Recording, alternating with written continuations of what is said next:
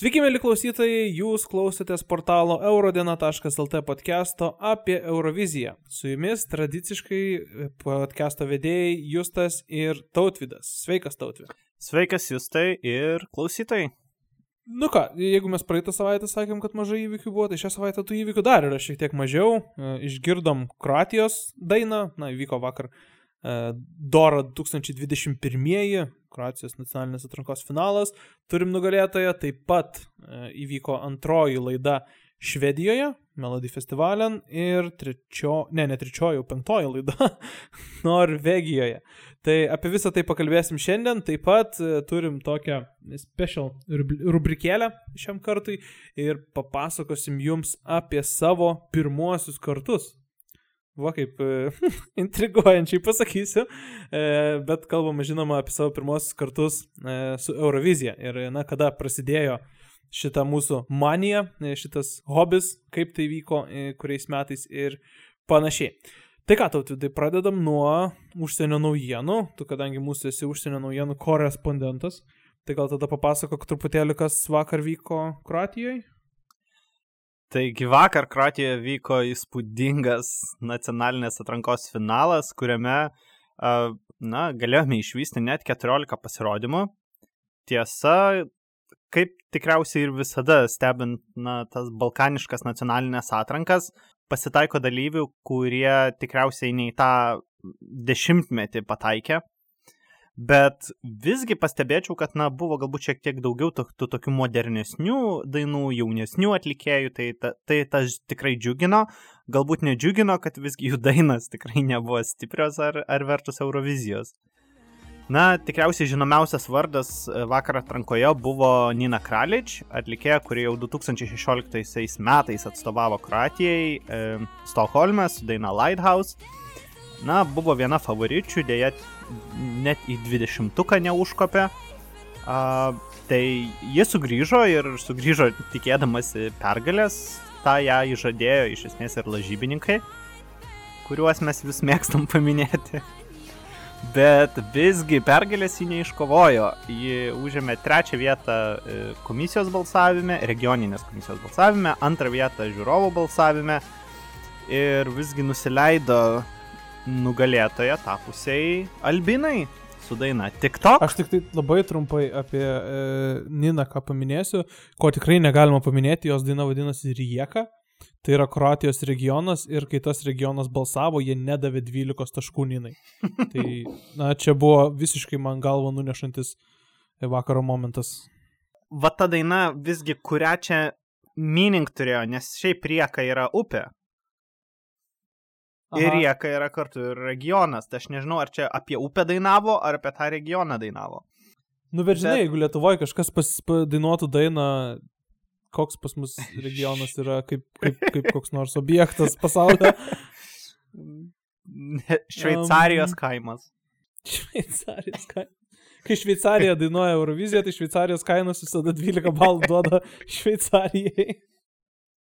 Nu bet jo, daina rieka ir gali, galbūt tiesiog gali paminėti, kad daina buvo rieka, nespecifai, ne, ne kad tipo apie regioną. Bet... A, aš jau pasakiau, jau ten gerai bus. tai gerai, tai aš tiesiog. Taip, bet e, pati, taip. pati daina, aš kai paklausiau tų ištraukų, e, nes buvo prieš beirot savaitę įkeltas po minutę kiekvienos dainos ištraukos, ta daina skambėjo lyg ir daug žadančiai, jinai net ir dabar aš sakyčiau, kad skamba visai neblogai, na bet tas apipavydalinimas visas scenoje, koks buvo, tai turbūt padarė taip, kad mes apie šitą dainą šiandien daugiau ir nebešnekėsim, o perėsim jau prie nugalėtojos. Na, tai kadangi netekau teisės kalbėti apie Niną, tai pereisim prie nugalėtojos. Um, ne, gali, gali, gali, pasisakyk, kaip tau. Ne, a, aš tau visiškai pritariu. Jeigu daina kaž, kažkiek, žinai, turėjo to tokio, na, kažko, kas galėtų pasirodyti įdomu, tai galbūt visas tas sceninis apipavydalinimas, pasirodymas dėja nuvylė. Ir, na, netgi šiek tiek nustebau, kad ji į, į tą antrą vietą užkopė iš tiesų. Um, nugalėtoja, nugalėtoja. Albina su daina TikTok.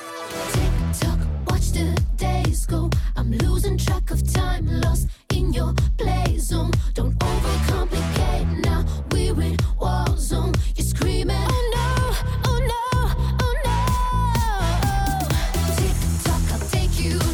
Um, iš esmės, pas, pasižiūrėjus tos visus 14 pasirodymų, tai tikriausiai buvo labiausiai toksai išbaigtas pasirodymas ir didesnės nuostabos man nesukėlė, kad jį laimėjo.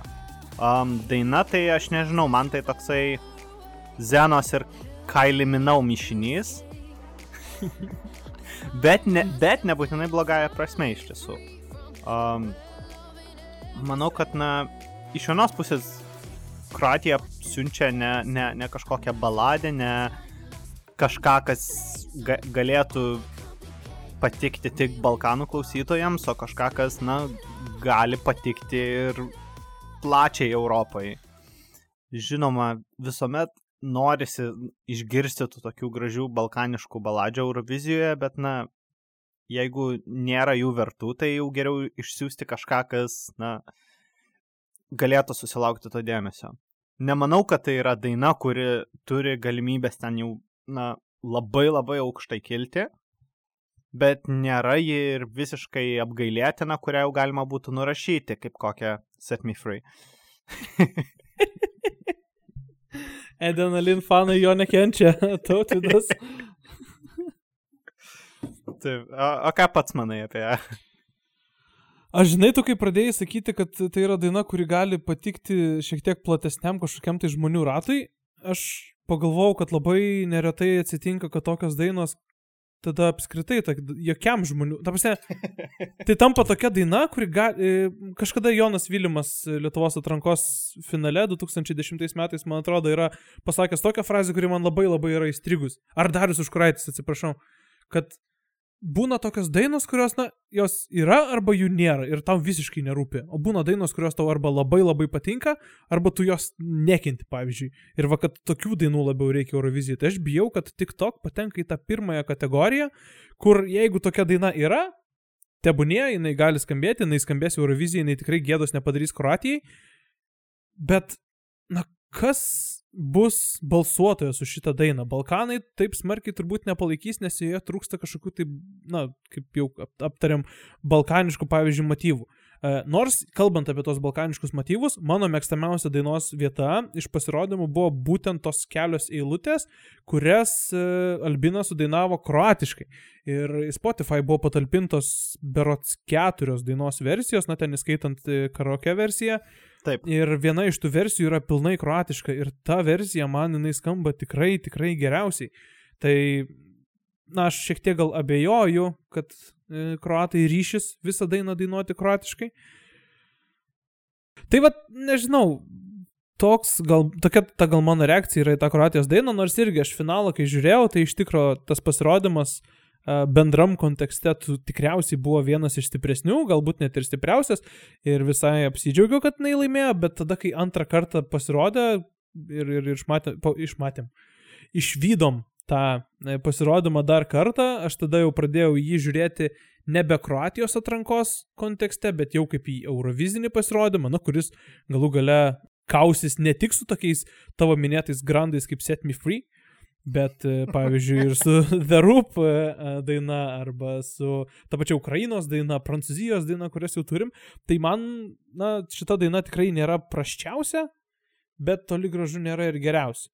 Visgi aš galbūt rezumuodamas pasakysiu, kad jinai yra turbūt man mielesnė negu praėjusiu metu Kroatijos daina Lybi Vietlė turbūt labai teisingai pasakiau ir, ir kruatai, kurie klausosi šitą podcastą, man parašys, sakykime, išjungs tiesiog. Puikiai išneki kroatiškai.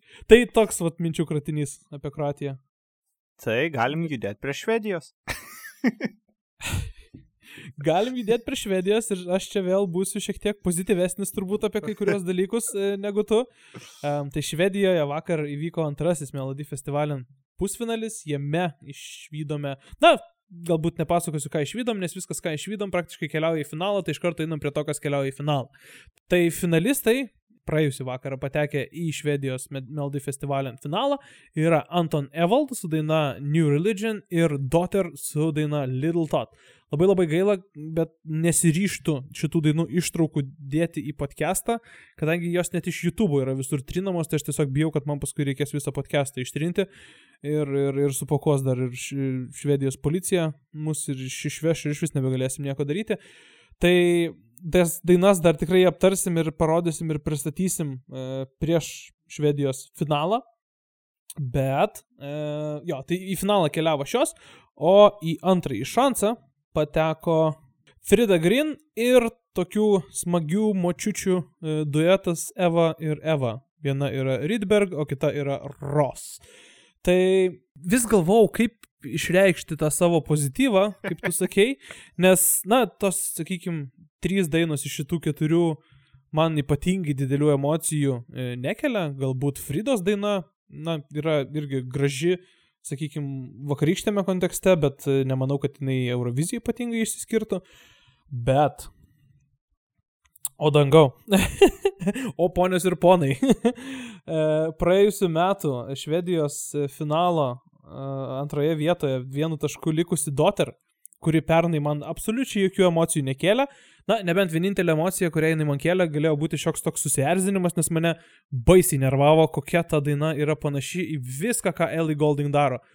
Tiek, nu, tiek vokalinė linija, tiek pati daina, tiek daino struktūra, nu viskas buvo, nu tarsi daina rašyta pačiai Ellie ir tiesiog jį ją atmetė, na tai vad Dotter priglaudė ją. Tai šiemet Dotter dainuoja Little Tot ir po vakarykščio pasirodymo Dotter iš, na vėlgi pakalbėkime apie lažybininkų prognozes, jį iš trečiosios ar net gal ketvirtosios vietos. Um, Švedijos uh, finalo, sakykime, lažybose uh, dabar užkopė į pirmą vietą ir tas procentas tiesiog auga, na, kaip žolė po lietaus. Um, dabar tas procentas jau yra 20, net 28 procentai, kad Dotter laimės e, Švedijos nacionalinės atrankos finalą. Tai aš nuoširdžiai negaliu pasakyti, kas mane taip toje dainoje sužavėjo, bet aš esu toks apkerėtas ir sužavėtas, neįsivaizduoju, kiek kartų jau klausiau šitos dainos vakar vakare, šiandien ryte, net kai išėjo dainos mm, repeticija e, ir trumpa ištrauka ketvirtadienį, kas visada vyksta su švedijos dainomis, aš jau net ir tada tas ištraukas tiek daug kartų sukau. Na, žodžiu, tai yra daina, kurios aš šiaip turėčiau nemėgti, nes ji yra, na, tiesiog paprasta pop daina, be kažkokių tai labai didelių išsiskiriančių bruožų.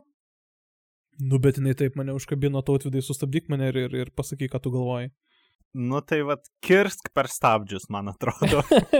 Užtrauk tą rankinį su rankiniu turbūt jau čia reikės. Um, vakarykščiame kontekste, tai, na, tikrai Dotter atrodė ryškiausiai ir, ir sakykime, kažkokių abejonių, kad ji tikrai pateks į finalą, tai, tai man nekilo, žinai.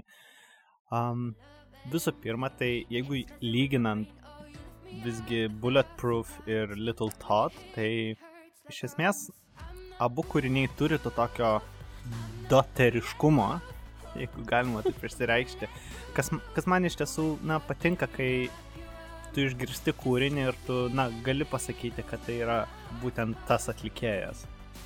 Tai at, panašu, kad jie, na, turi tą tokį savitą stilių ir, ir net jeigu dainos yra skirtingos, vis tiek sugeba jį išlaikyti.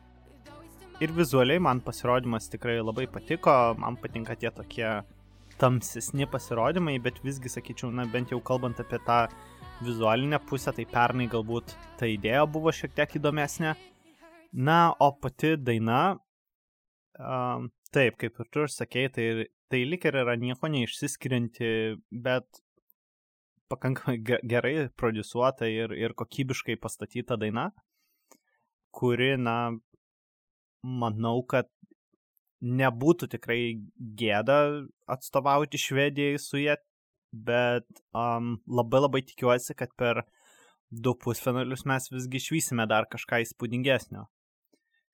Nežinau, man ji, ji patinka, ji tikrai yra ta daina, kurią įsitrauksiu į, į grojaraštį, tiksliau, na, dar porą netgi įsitrauksiu iš, iš vakarykščio pusfinalio, kai, kai bus galima, bet, e, na, nesu galbūt tiek tiek stipriai pozityvus apie ją kaip, kaip tu. Man dar, jeigu kalbant apie vakarykštį pusfinalį, tai, uh, na, labai... Uh. Jeigu kalbant apie vakarykštį pusfinalį, tai man dar, na, patiko ir Anton Eval pasirodymas su daina New Religion. Vienintelis dalykas, na, kas, dėl ko tikrai labai labai norisi prisikabinti, tai yra, jog uh, jis paskutinį kartą atrankoje dalyvavo 2014 metais, dalyvavo ir 2013 ir, ir nuo metais. to karto nesikirpo. Ir po septynių metų jis ant scenos užsivilko vėl tuos pačius šokėjus ir pademonstravo vėl tą pačią choreografiją. Čia galima tiesiog... tiesiog... man atrodo, labai labai panašus buvo.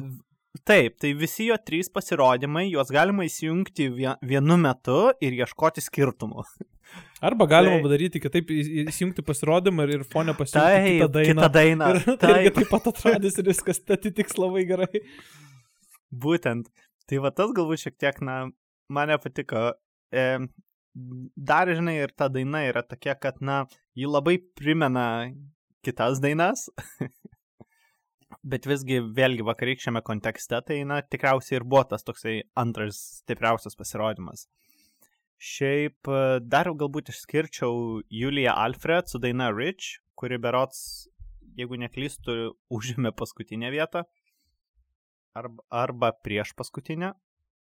Keisti tie rezultatai kartais švedė iš tikrųjų būna. Taip, tai um, nors irgi daina tokia, na, gan nuspėjama su tokiu nesudėtingų priedainių, bet visgi kažkaip, na nežinau, mane užkabino jį. Tai, na, gaila užėmė paskutinę vietą, ką padarysi. bet, o tos dvi dainos, kurios visgi pateko į, į antro šanso etapą, na tai viena, žinoma, yra tas toksai uh, močiučių duetas, kuris, žinoma, Švedijos publikai tikriausiai su dar kažkokiu tam tikrų kontekstų labai viskas šmaikščiai atrodė. Tai, na, pateko į kitą, bent jau į antrą šansą. Jo, čia turbūt o... tas pats, kas Lietuvoje duetu pasirodytų Edmundas Kučinskas ir Egidijus Pavičius. Aš, aš įtariu, kad va, toks efektas turėtų Švedijai būti. Nu, kažkas panašaus turbūt. Na, o Frida Green, tai vien ir klausant dainos, tai man tiesiog ir pasirodė tokia, na, ta daina turi ir country to stiliaus ir viena iš dainos autorių yra pernai ir užpernai ir jau kažkada Švedijai atstovavusi Ana Berjendal, viena iš dainos autorių.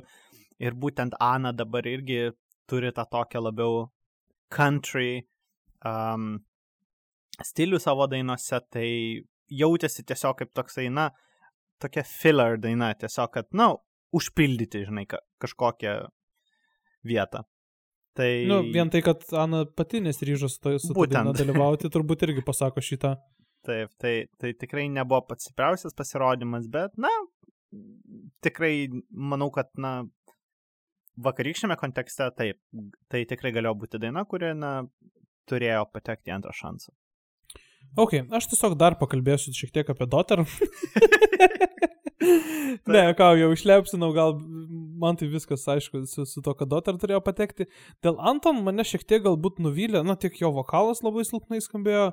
Um, vėlgi tai, kad pasirodymas yra toks pats, kaip buvo 2013 ir 2014, tas irgi, na, vis tiek norėjosi kažko tai naujo, na, nežinau, lazeriai galbūt šiek tiek naujesni buvo, bet e, pati daina irgi man didelio įspūdžio nepadarė. Man iš tikrųjų vakar e, ko, e, ko aš pasigėdau, sakykime, skelbiant rezultatus, kad būtų patekę arba į finalą, arba bent jau į antrą šansą, tai būtų Vahil featuring Sami ir daina e, C90 Talet. E, vėlgi, tų tokių dainų yra nemažai, kaip jau ir kalbėjom, čia tas pats 80-ųjų, 90-ųjų skambesys, kurio, kurio atrankose šiemet netrūksta ir ypatingai tų dainų nemažai buvo ir Kroatijos atrankoje e, vakar. Bet kažkaip man smagiai labai susiklausė ir, ir, ir vakar Melody festivalio toks ganėtinai tamsus buvo, nežinau, jeigu pastebėjai, um, išskyrus vat, būtent šitos du pasirodymus, tai tą mano minėtą ir uh, močiutės e, dainavusios ar Renarama Ding Dong.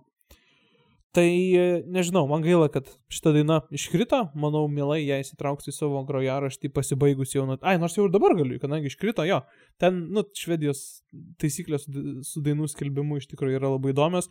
Dainos, kurios patenka į finalą, negali būti niekur viešinamos, o dainos, kurios patenka į antrą šansą arba iškrenta, jau gali uh, būti patalpinamos ir, ir, ir muzikos platformose, ir YouTube. E ir panašiai. Gal tu žinai motyvą šito dalyko, apart to, kad, na, nežinau, kuo ilgesnės teisės visiems dalyviams išlaikyti. Galbūt yra čia dar kažkoks paslėptas dalykas, kurio aš nežinau.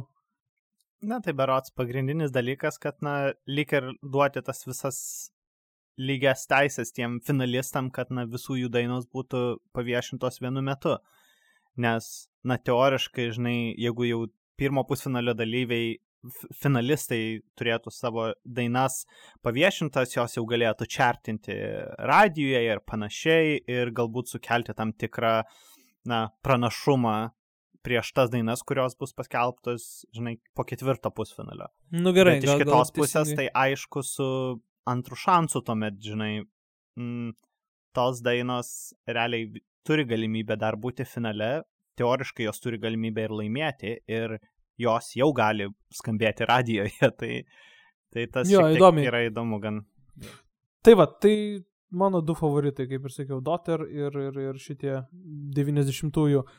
Bičiukai, daugiau turbūt nelabai ką turiu Švedijai aš pridurti. Um, manau, kad tikrai Dotter gali laimėti Melody festivalin.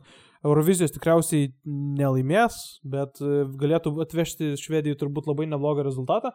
Man kažkiek galbūt e, visas konceptas Dotter šitos dainos ir šito pasirodymo užneša į sakykime, tai, ką Švedija darė 2017-2018 su Robin Bengtson ir Benjaminu Igroso, kur buvo, na, tokios tvarkingos, labai gerai suprodusuotos dainos su tikrai stipriais pasirodymais.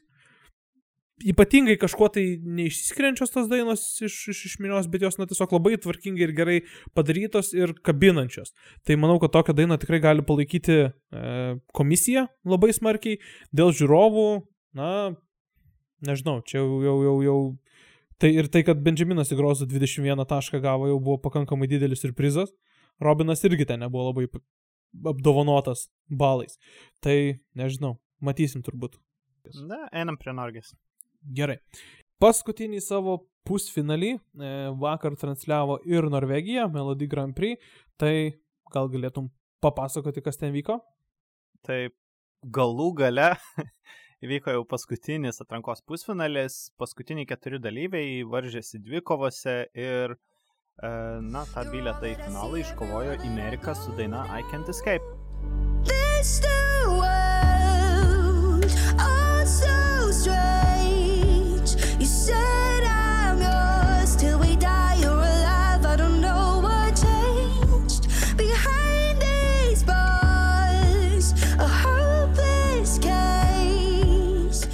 Mano nuomonė tai buvo, na, ryški favoritė e, vakarykščiame pusfinalyje ir iš esmės didesnių abejonių nekėlė, kas, kas turėtų keliauti į finalą. Um, man iš tiesų patiko ta daina, man bent jau pastarąją savaitę, kadangi na, dainos buvo išleistos pirmadienį, tai aš tą dainą klausiau jau tikrai ne vieną, ne du ir net ne kelis kartus. Um, rami daina, kuri na, turi tą tokį, tokį exploding motyvą uh, dainos kulminacijoje. Um, nerimavau, kaip visgi gyvai visą tai skambės, bet iš tiesų nelikau nusivylęs, tai na, tikrai džiaugiuosi, kad būtent Amerika pateko į finalą.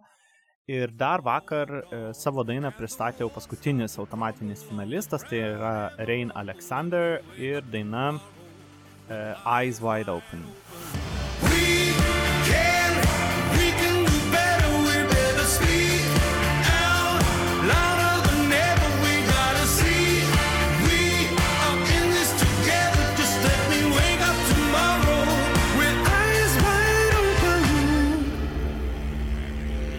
Man, man visa ta daina priminė e, Jameso Bondo e, soundtracką, būtent muzikinį takelį. E, pati dainos pradžia tai man priminė e, Feeling Good dainą. Um, na, nežinau. E, pernai manau, kad jo daina buvo tikrai stipresnė, bet e, visgi galbūt turbūt labiau apeliuojama į tą tokį vizualinį sprendimą, kuris buvo pakankamai įdomus ir šiemet. Jo, jeigu mes pernai Reino Aleksandr vadinom viking, kaž, na, kažko tarp vikingo ir, ir, ir kalėdų senelio, tai šiemet dar ir Jameso Bondo motyvas prisijungia, tai, na, tikrai spalvinga asmenybė.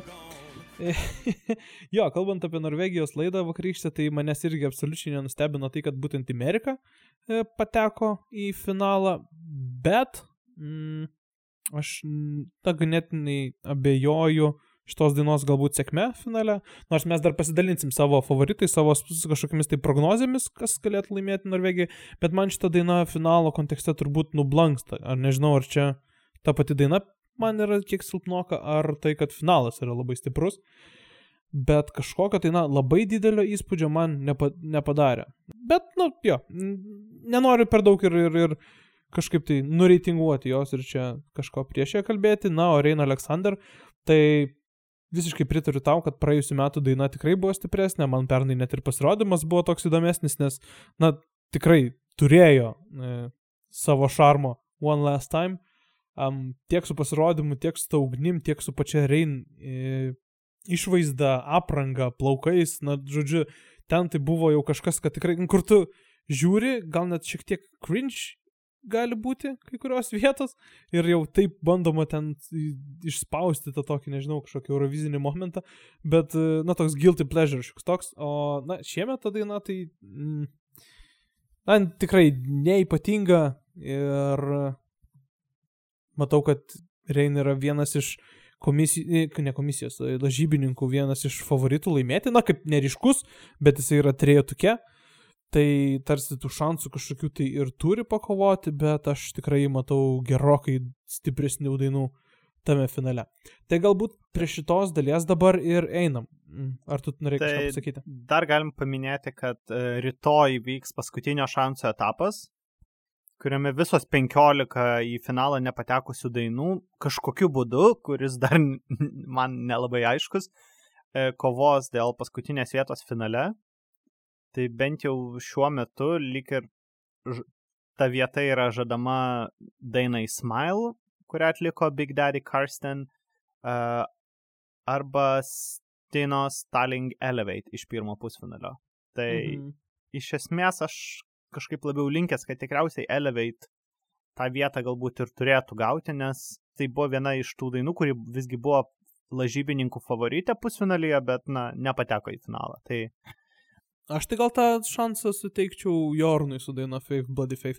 Tiesiog dėl stilių įvairovės, nes, Mm. na, Smile irgi e, tam tikrą įvairovę taip. gali mums pasiūlyti, bet Elevate man jinai tiesiog, na, irgi tokia šiek tiek blankoka ir, ir man atrodo, kad jau ir, ir Amerika e, tą, tą tokį, sakykime, na, ne, ne, ne tai, kad stilių tokį, bet nu, tą tokį, tokio stiliaus dainų finale jau turbūt yra užtektinai ir, ir, ir aš galbūt vat, to, to, to, to, to, ką daro Jorn e, finale galbūt man vat, ir truktų tokios kaip vyšnios ant torto. Na, su, tai, sužinosim jau rytoj. O, o dabar tiesiog tikriausiai trumpai pasidalinsim uh, savo visgi tuo spėjimu ir, ir trejetuku Jo, asmeniniu. jo, tai e, galbūt asmeniniu turėtukų pradėkim, e, kas būtų tavo trečioji vieta ir ar galbūt turi kažkokių tai dainų dar, kurias norėtum, nežinau, šiaip paminėti, kaip irgi, e, kurios, na, netilpo į trejetuką, bet, bet irgi tau patinka ir, ir, ir norėtum supažindinti klausytojus su jomis. Na, na, aš manau, kad šiaip tas Norvegijos finalas yra tikrai labai labai neblogas. Tai pasiūlyčiau visiems paklausyti tikriausiai visų dainų, kurios dalyvaus finale. Manau, kiekvienas galės atrasti net ne vieną ir ne dvi, kurios um, kažkokias paliks um, simpatijas ir, ir patiks. Bet visgi uh, mano trejetukas, tai trečioji vieta aš skirčiau būtent Keino su Monument.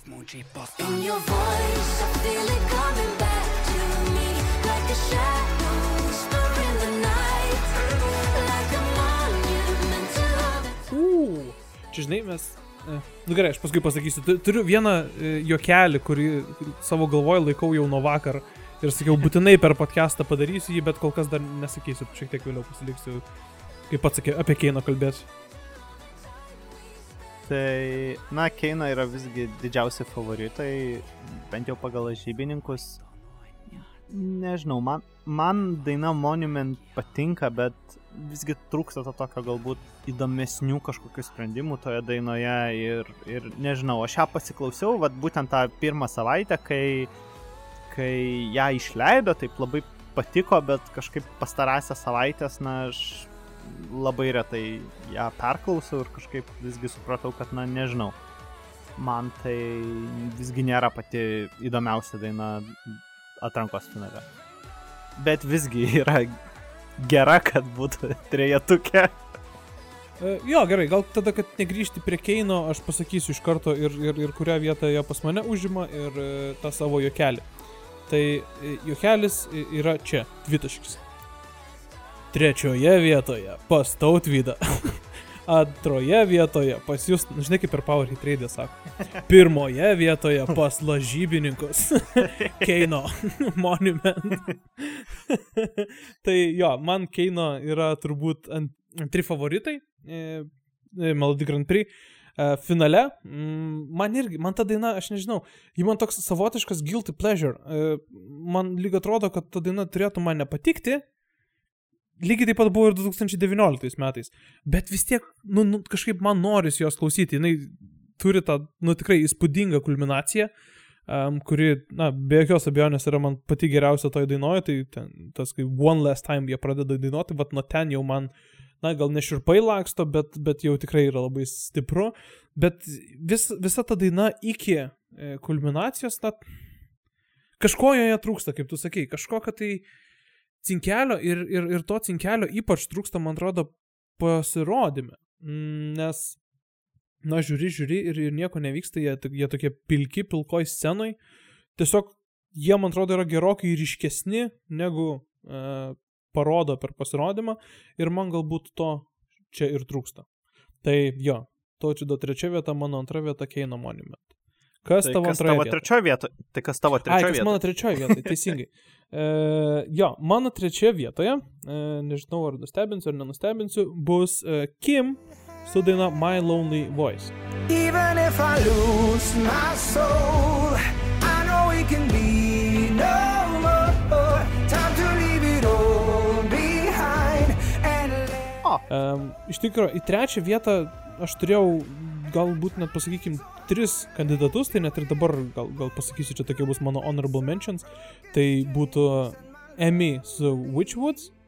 Smagi labai daina, bet labai silpnas pasirodymas ir silpnas gyvas atlikimas. Tai kažkaip tas bendras įspūdis toks yra nukritęs man. Ir dar Atle Petersen su daina World on Fire irgi visai arti mano trejetuko.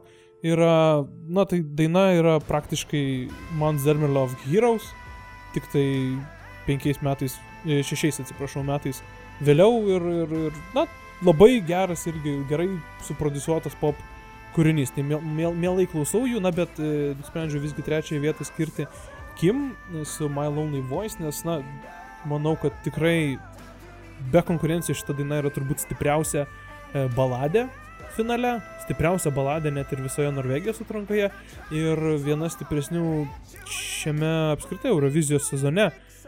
Aš pamenu, man atrodo, tu buvai ją šiek tiek sulyginęs su Gebras į dainą Where Do You Wanna Go. Tai turi to tokio labai jautrumo, gražus pasirodymas, puikiai atlikėjas dainuoja. Na, žodžiu, viskas, ko galėtum norėti iš baladės, iš eurovizinės baladės, sakykime, iš, ne, ne iš Balkanų regiono, o iš kažkokių tai šiaurinių šal- šalių. Tai man atrodo, kad My Lonely Voice viską turi. Na, man My Lonely Voice būtų ta tokia ketvirta vieta. Netgi galbūt taip dar ir šiek tiek abejočiau tarp Keino ir jų, nes, bet, bet visgi norėjau, na, įva, įvairesnio trietuko, nes antroji vietoje aš turiu kitą baladę, kuri visgi, um, mano nuomonė, yra ta, ta baladė, kuri galbūt galėtų kažką nuveikti ir visgi kalbu apie vakarykštę Ameriką su I Can't Escape. This the world, oh so strange. You said manau, kad tai yra daina, kuriai dar pasirodymas, kaip ir Keino, na, pasirodė, ne, nežinau, bet kažkaip šiemet stebint Norvegijos atranką, man tos dainos lyg ir atrodo visai stiprios, bet pasirodymai kartais, na, lyg ir nesugeba visiškai išpildyti tos dainos. Tai šiek tiek taip jaučiausi dar ir vakar žiūrėdamas Amerikos pasirodymą, bet, na nežinau, man tai labai labai jautri daina, tikrai labai užkabino ir, ir na, galbūt turi, galbūt tas, sakykime, na, man antra vieta turi tą tokio šviežumo jausmą, sakykime, dar. Galbūt po penkių savaičių aš visai kitaip ją žiūrėsiu, bet a, visgi šiuo me- momentu tai būtų ta daina. Ok, nu aš viską, ką galiu pasakyti, tai jau pasakiau turbūt. Pasakei, bet, reik- bet reikės, reikės galbūt dar vieną kartą man tiesiog ramiai atsisėsti ir paklausyti tą dainą ir galbūt tas įspūdis man ir pasikeis. E, Na, gerai. pirma vieta? E, liko pirmosios vietos. Aš šiaip absoliučiai neįsivaizduoju, kas tavo pirmoje vietoje bus, bet tu turbūt nujauti, kas mano. Ar ne? Um, bijau, kad tai bus lietus. taip, taip, taip, taip. Nežinau, kodėl tu sakai bijau, bet mano pirmoje vietoje Norvegijos atrankoje yra Blase Mafian su Let Loose.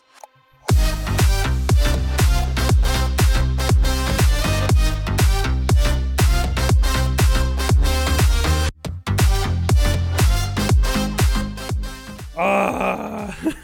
Aš net, jeigu man reiktų išrinkti geriausią, man asmeniškai geriausią šių uh, metų, sakykime, nacionalinių atrankų vieną dainą, nu aš tikrai nusiraučiau visus plaukus rinkdamasis tarp diskotek, Let Loose ir dabar jau turbūt uh, Little Tots, uh, Daughter dainos.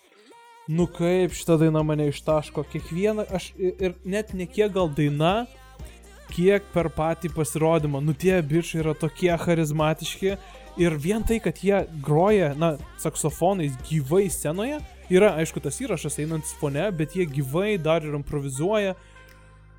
Ah, man tai patinka ir, gal, na, tiesiog, tikrai, mano atradimas buvo, aš, aš dėje ieškojau jų dar dainų YouTube, radau keletą coverių kažkokių tai ir dar berots vieną dainą, kurią jie yra išleidę patys.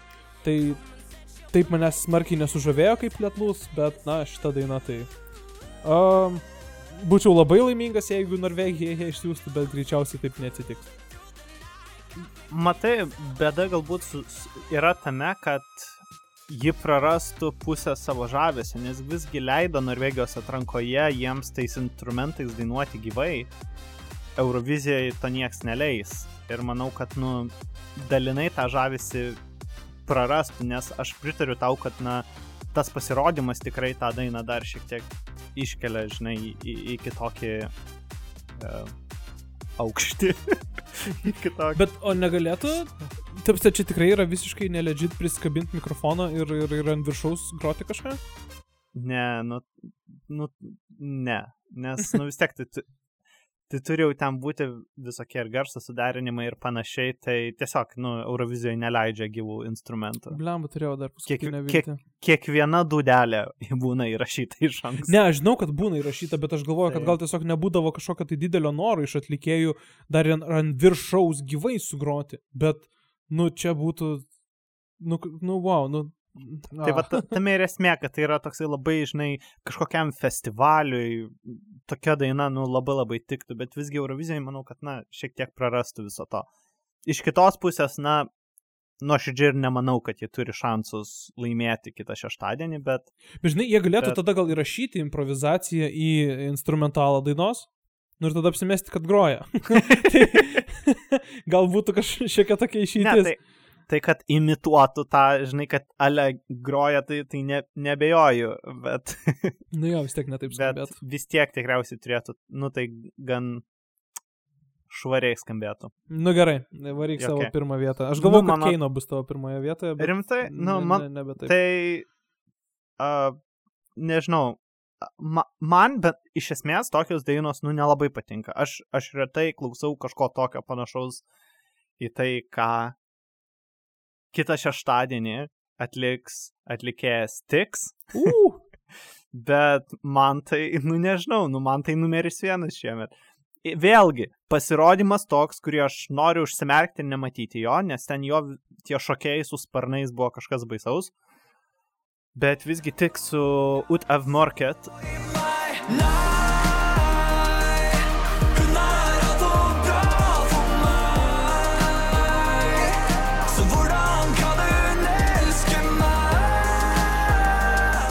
būtų mano numeris vienas ir uh, įdomu tai, kad, na, šeštadienį jis dainuos anglų kalbą savo dainą. mhm. Tai, bet irgi nežinau, ar skambės dar geriau, kažkaip dar labiau patiks, ar visgi bus į kitą pusę ir kažkokį tą žavesį praras, kurį turi ta daina skambėdama būtent norvegų kalba. Jo, aš e, kalbant apie pasirodymą, tai iškart norėjau tave nutraukti ir pasakyti, man šiek tiek pasirodymas primena, uh, esi matęs Tenacious D, uh, The Pick of Destiny su Jacku Blacku? Tikriausiai teks pasižiūrėti. E, nu, ten, ten irgi ten tokia e, angelų ir, ir velnio kova, žodžiu, per, per muziką, šiaip fainas labai filmas. Kažkuo man tą filmą primena e, tiks pasirodymas, o pati daina, mm, man ji irgi taip keistai patinka, turi kažkokio tai žavesio e, savyje, bet jo, kaip tu pasakai, man pasirodymas truputėlį numuša tą susižavėjimą. Um, bet uh, tikrai ne, ne paskutinėse vietose tą dainą vertinčiau ir, ir šiaip net neįsivaizduoju, kaip šitą dainą skambės. Angliškai man atrodo, kad čia gali būti šiokia tokia atlikėjo klaida. Mm, Galbūt, žinai, bandymas tas toksai įtikti platesniai auditorijai, bet visgi manau, kad jis ir su ta norvegiška versija tikrai turėtų labai neblogus šansus. Mhm. Ir, ir kas dar irgi yra labai įdomu, tai būtent Tiks e, yra, na, lažybininkų vertinamas kaip antras favoritas nugalėti, bet jeigu neklystu, tai jo daina ten Norvegijoje absoliučiai trendina visose įmanomose platformose. E, Gal iki pirmų vietų ir neužkyla e, pilnai, bet, na, panašu, kad tos dainos žmonės labai intensyviai klausosi. Taip, tai va būtent, kad, na, kalbant apie norvegiškus čartus, tai yra be ne geriausiai kol kas juose pasirodanti daina, bet, na, žinoma, nebūtinai tie, kas, žinai, klausosi radio, būtinai balsuosis, balsuosis, o nebūtinai balsuos e, būtent MGP finale. Supratau. Tai va, tai tokie būtų mūsų top tritukai ir jeigu reikėtų vieną tiesiog e, atlikėją šauti, kuris laimės, kas tavo spėjimas būtų? Nu, tikriausiai visgi manau, kad Keino jie išsiūs. Aš kažkaip irgi taip galvoju. E, ne, noriu pasižiūrėti, kaip juos palaikė 2009. Ar tu atsimeni? E, 2019, atsiprašau. E, Ką būtent? MGP finale Keino. Jie ten visiškai nunešė ir nušlavė balsavimą, ar ten taip. Buvo ten paskelbti tie keturi finalistai, tada jie surinko beveik 100 tūkstančių balsų, antra vieta 55 tūkstančius. Ir tada super finale jie surinko dar ten papildomai ir iš viso gavo 231 prieš, prieš Jo, dabar 162. Tai, nu, gan... toksai- Netriuškinamai. Jo. Ok. Tai, nu, jo, va šitas dabar faktas galbūt šiek tiek toks su, susviravo man, nes aš visgi sakyčiau, kad... Bet, bet matai, dabar jau visi žino, kas yra Keino. Nu taip, tada jie buvo visiškai nauji. Tai vad labai įdomu, bet uh, manau, kad uh, ko gero taip ir bus, arba antroj, antras mano variantas būtų tavo pirmoji vieta tiks. Bet jeigu Na. vieną renkamės, tai renkuosi Keino. Okay. Gerai, e, aptariam šios savaitės visas aktualijas ir prieš dar e, atsisveikinant ir prieš e, persikeliant, e, na, prieš anonsuojant, ko laukiam kitą savaitę, galbūt pakalbėkime apie tą mūsų rubriką, mūsų pirmoji, mano pirmoji Eurovizija. Tai tautvidai, ar tu turi kažkokią tai įdomią, smagią istoriją, kurią norėtų pasidalinti su savo klausytojais, kaip tu atradai Euroviziją, kaip Eurovizija atrado tave? na, žodžiu, e, mikrofonas tavo pusėje. Na, pats pats pirmas e, prisiminimas iš Eurovizijos tai tikriausiai būtų, na, netoks ankstyvas, kaip galbūt galėčiau tikėtis, tai būtų 2004 metai. E, aš atsimenu, buvo tikriausiai e, Eurovizijos pakartojimas būtent per LRT. Ir atsimenu, kad, na, kažkaip įdomiai man atrodė ten tas visas balsavimas ir, ir nežinau, kas čia vyksta, bet norėjau pažiūrėti, tai tiesiog paklausiau mamos.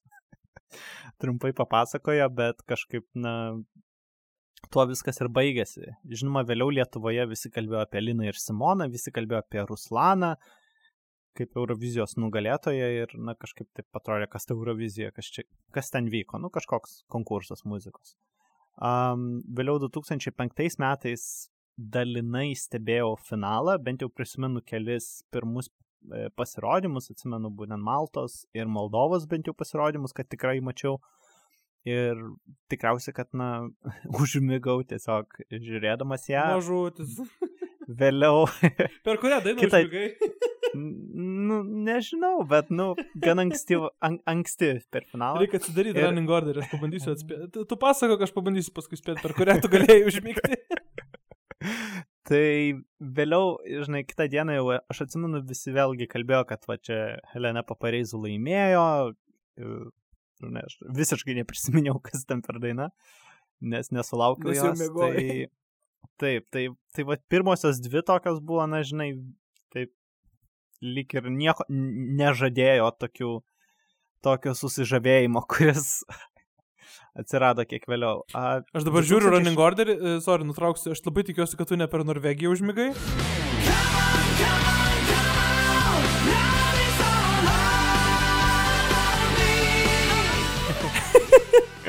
Nes būtų ganėtinai keista, bet šiaip mažai baladžių buvo. Pirmoji baladė e, 2005 Na. m. Eurovizijai jis buvo Izraelis 11 numeriu. Na, Malta buvo pirmoji. Nu, bet tu baladė, sakai, kad bet- Malta, Malta ir Moldova atsimenė. Taip, taip, tai. Mhm. nu, Nežinau, gal per Na. Makedoniją galėjau užmygti. gal, gal nebūtinai baladė užmygdė. Bet, e, na taip, ir 2006 metais visgi buvo tas lūžis, kadangi aš atsimenu tiesiog keičiau kanalus, kol, kol atradau e, LRT ir ten žiūriu, kažkoks koncertas vyksta, o pasirodo tai Lietuvos nacionalinė atranka. Ir Ir ten dainuoja kažkaip- Robertas Kupstas. Ir, ir kažkaip LT United užlipo ir, na, visai patiko man, galvoju, nu, visai smagi čia daina. Nu ir po to laimėjo dar. ir tada, vat, nuo to viskas ir prasidėjo iš tiesų. Tai jau 2006 metais jau be miego stebėjau ir pusfinalį, ir finalą, ir, ir, na, iš esmės nuo to viskas ir prasidėjo ir, ir už, užsivežiau. Okay, Ir- Blemba, kaip neįdomu, nes mūsų metai absoliučiai sutampa. Aš galvoju, kad, galės, aš galvoju, kad galėsim ka- kažkaip dar tam plačiau kažkaip apie skirtingus metus pasidiskutuoti, bet absoliučiai mano pirmas atsiminimas tai yra 2004. Pamenu, kad e, mama buvo laiminga, kad Ruslanų laimėjo. Ten, e, ir aš kažkaip, nežinau kodėl aš nemegojau tada šeštadienį, bet aš atsimenu, kaip Ruslana tą nugalėtojas dainą atliko. Um, toliau 2005 metais aš jau kažkiek Lietuvos finalą žiūrėjau ir aš pamenu, kad ten e, buvo ganėtinai nemažas skandalas, nes ten Alanas Košnauvas ten keliais šimtais balsų pralaimėjo Laurai and the Taip. Lovers ir, ir, ir kažkaip aš irgi, man atrodo, tada Alaną palaikiau labiau. Um, ten irgi smagu prisiminti, ten telebimbam pasirodė finale. Na, na man kaip vaikui tada, e, tai aš dabar galvoju, 2005 metais, tai man kokie devyneri turėjo būti. Um, tai žiūrėjau finalą, pirmą kartą Lietuvos 2005 turbūt. Ir e, ką tikrai labai gerai atsimenu iš pačios Kievo Eurovizijos, tai man lygiai taip pat kaip ir tau, tik ta, tu, gal pats užmigai, mane tai varė mėgoti. E, ypatingai per, per pusfinalį, na, nes e, pusfinalis vyko darbo dieną, jeigu net nekristų trečiadieniais dar tada vykdavo pusfinaliai. Taip, taip. E, jo, tai būdavo, buvo vidury savaitės, tai, na, nu, aš ten devyniarių metų antrokas, trečiokas koks turėjau būti. Tai mane mama gan aktyviai vyjo mėgoti. Aš iš paskutiniųjų tam bandžiau laikytis, nes, nu, visai įspūdingas tas šau Ukrainos buvo, ten jau išdariau su Škuraičio, galbūt kai kurie atsimena tą faktą, kad vėliau tą visą sceną Eurovizijos nusipirko grupė YouTube ir, ir naudojo savo ture. E, Bet aš ką labai gerai atsimenu, tai kaip aš ne šalis e, susirašiau kaip savo favorites, o aš susirašiau pasirodymų numeriukus. Ir tada atsikėlęs e, ryte e, pradėjau mamos klausinėti, nu ar ten šešta daina pateko į finalą ar nepateko į finalą. Ir mama sako, iš kur žinau, kas ten šešta pasirodė. uh, tai man kažkodėl tai tam devyniarių metų justui uh, ypatingai didelį įspūdį paliko Baltarusijos atstovė Angelina Agurbaš.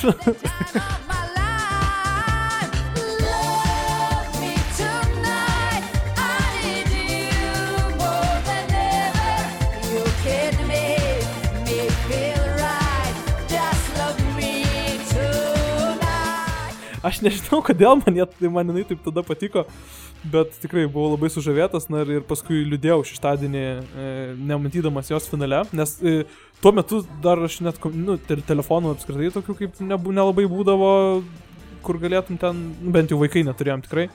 E, ir, ir kompiuterio tuo metu net mano namuose nebuvo, tai aš nei pasitikrinti, kaip turėjau, kas ten pateko į finalą, na žodžiu. Įdomus laikai buvo. Ir tada atsimenu, kad finale aš buvau ganėtinai liūdnas, kad e, Graikija laimėjo, nes manęs ypatingai Helenos Paparizų daina nesužavėjo. E, o jau 2006, kaip vat ir tu sakai, kad, kad jau ir Lietuvos atrankas pradėjai žiūrėti, tai aš 2006 jau, jau irgi jau, jau, jau tikrai visiškai tokį ryškų atsiminimą turiu, e, be visokių mėgojimų ar, ar, ar kažko. Aš kiekvieną rytą, e, kaip, kaip kariuomeniai, labą rytą jungdavausi O taip. ir e, klausydavau, ką kitos šalis siunčia į Euroviziją. Nes ir 2006 aš dar net kompiuterį ant turėjau. Galvoju, kas per vaikystę buvo. tai, tai aš, mano vienintelis, vienintelė vieta, kur aš galėdavau išgirsti tas dainas, būdavo labas rytas, arba jeigu ten eidavau pas kaimyną arba pas tetą. Tai labai jokinga buvo, nes aš atsimenu, mane taip sužavėjo 2006, e, būtent per labą rytą, kai rodė e, Švediją ir, ir, ir Karolą su Invincible. Nežinau iš tikro, ar Invincible, ar, ar, ar švediška versija grojo labas rytas.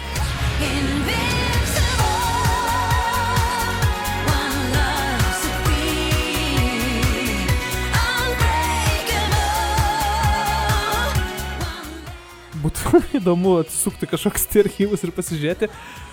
Aš turėjau tokią, e, kaip čia pasakyti, magę, magnetofoną. Man tėvai nupirkdavo e, kasečių ir aš šitas kasetės iš labo ryto tiesiog magiją pridėjęs prie televizoriaus, aš įsirašinėdavau dainas. ir paskui klausydavau ir e, tą patį dariau ir, ir, ir per labą rytą. Įsirašydavau ir paskui, jeigu nepatikdavo, tai ant viršus užrašydavau kažką. Uh, bet per pusfinalį irgi šitą dariau, atsimenu, įsirašinėjau ir tu nepatikėsi. Man e, tik prasidėjus Lordi dainai, baigėsi vienos kasetės pusė. ir aš ten puoliau keisti kasetę. Ten man kažkas užstrigo, ar ten juostelė išlindo, ar kažkas, na žodžiu. Ir, ir aš nespėjau įsidėti, aš apsiverkiau, nes man labai patiko Lordi. ir aš labai liūdėjau, kad aš neturėsiu tos dainos dabar įsirašęs. Ir man mama sako, taigi nesjaudink, tikrai pateksi finalą. Labai, iš kur aš žinau, kad pateksi finalą? O jeigu nepateks, tai ir liksiu tipo be įrašo. Nu, žodžiu, ten kokie lauk, laukiniai lai- laikai buvo absoliučiai. Jo, ir e, po 2006 metų Eurovizijos, aš atsimenu, tėtis e, mano parūpino jau DVD įrašą visų dainų. E, beje, ne visų dainų. Ten, jeigu neklystu, kažkokių tai, kažkurių tai dviejų dainų trūko. O per kai kurias dainas toks visada lagas būdavo, tai aš net dabar būna, kai klausau tų dainų, jeigu net, nu, netyčia kažkaip YouTube užklystu, tai man vis dar ausyse e, tos lagintos vietos taip kažkaip trūksta net. Tai ypatingai atsimenu, ir per Rumunijos Tornero labai striginėjo vaizdas, na žodžiu. Ir aš grįždavau iš mokyklos ir aš tą DVD praktiškai kiekvieną dieną leisdavau. Ir visada per Norvegijos dainą užmygdavau. tai vis, visada turėdavau Tinka tam. pie- pietų mėgelio. Jo, per Norvegiją kažkur tai užmygdavau ir e, neatsimenu dabar per ką atsikeldavau. Bet ten, nu, ge- gerą pusę koncerto pramiegodavau. Taip niekada ir nepažiūrėdavau. Ir atsimenu, mama sakydavo, nu kiek tu žiūrėsi tą patį. Sakau, nu aš nekarto normaliai nepažiūriu iki galo, nes aš užmiegu. Tai, nu, žodžiu, va, ta, ta tokia ta mano istorija. Mm, Bet galvoju- tai būtent po būtent tais 2006-aisiais, tai vėliau, žinai, ir po konkurso būtent tas visas dainas tiesiog klausydavau vėl ir vėl ir vėl ir vėl, tada jas ten ir pats bandydavau atlikti ir, ir taip toliau. Ir o jie tau. Tai, nu, nežinau, bet viskas taip žaibiškai buvo ir iš tiesų man, aš atsimenu, man labai patikdavo, žinai, dar tas pojūtis, kurio, kurį dabar nu, labai sunku atrasti, kažką tokio nežinoma, žinai, atrasdavau tas šiek tiek senesnės Eurovizijas, atrasdavau tas dainas, kurias, na, girdėdavai Lietuvoje skambant, perdainuotas ten kažkieno. Kelias į žvaigždės, kiek Būtent. varydavo Eurovizinių dainų iš tikrųjų ir mes to nežinodavom. Tai būtent ir tada, oi, aš žinau šitą dainą. tai, tai iš tiesų jo, ta pradžia buvo tokia įdomi. Na ir po to jau prasidėjo iš ties, kad jau 2007 metais jau, jau atsimenu, jeigu dar 2006, tai aš ten prieš patį konkursą nelabai tas dainas klausiau, tai jau 2007 jau visiškai sekiau tas naujienas, kadangi tai buvo pir pirmieji metai, kai ir e, Eurodiena, tuo metu dar Euro savaitė atsirado, e, kuomet kiekvieną sekmadienį pasirodydavo naujas, um, straipsnių Žiūrėk, rinkinukas. mes galim savo podcastą pervadinti Euro savaitę. Nes kartą per savaitę leidžiam sekmadieniais. Nu, mes euro savaitę dar. Bet tai, tai taip, tas būdavo toksai, na, labai įdomu, žinai, lietuvių kalba rasti tas naujienas, nes, nu, jų, jų iš tiesų, nu, niekur daugiau ir nebuvo galima rasti. Buvo dar tokia, nežinau, ten visiškai buvo LRT valdoma ar nelabai, svetainė eurovizija.lt, berots, tokia ir buvo. Yeah, ten, Ten irgi-. Taip, ten irgi dar keldavo šiek tiek naujienas, aš atsimenu labai... E, 2006 metais dar keldavo ten visokias apie net ir repeticijas ir, ir būtent jau Atenuose. Tai, na, įdomu buvo pasiskaityti, vėliau jau, bet iš esmės kažkokiu tokiu daugiau naujienų tai, tai nelabai ir buvo. Tai, ja, tai va tokia va ta pradžia ir buvo.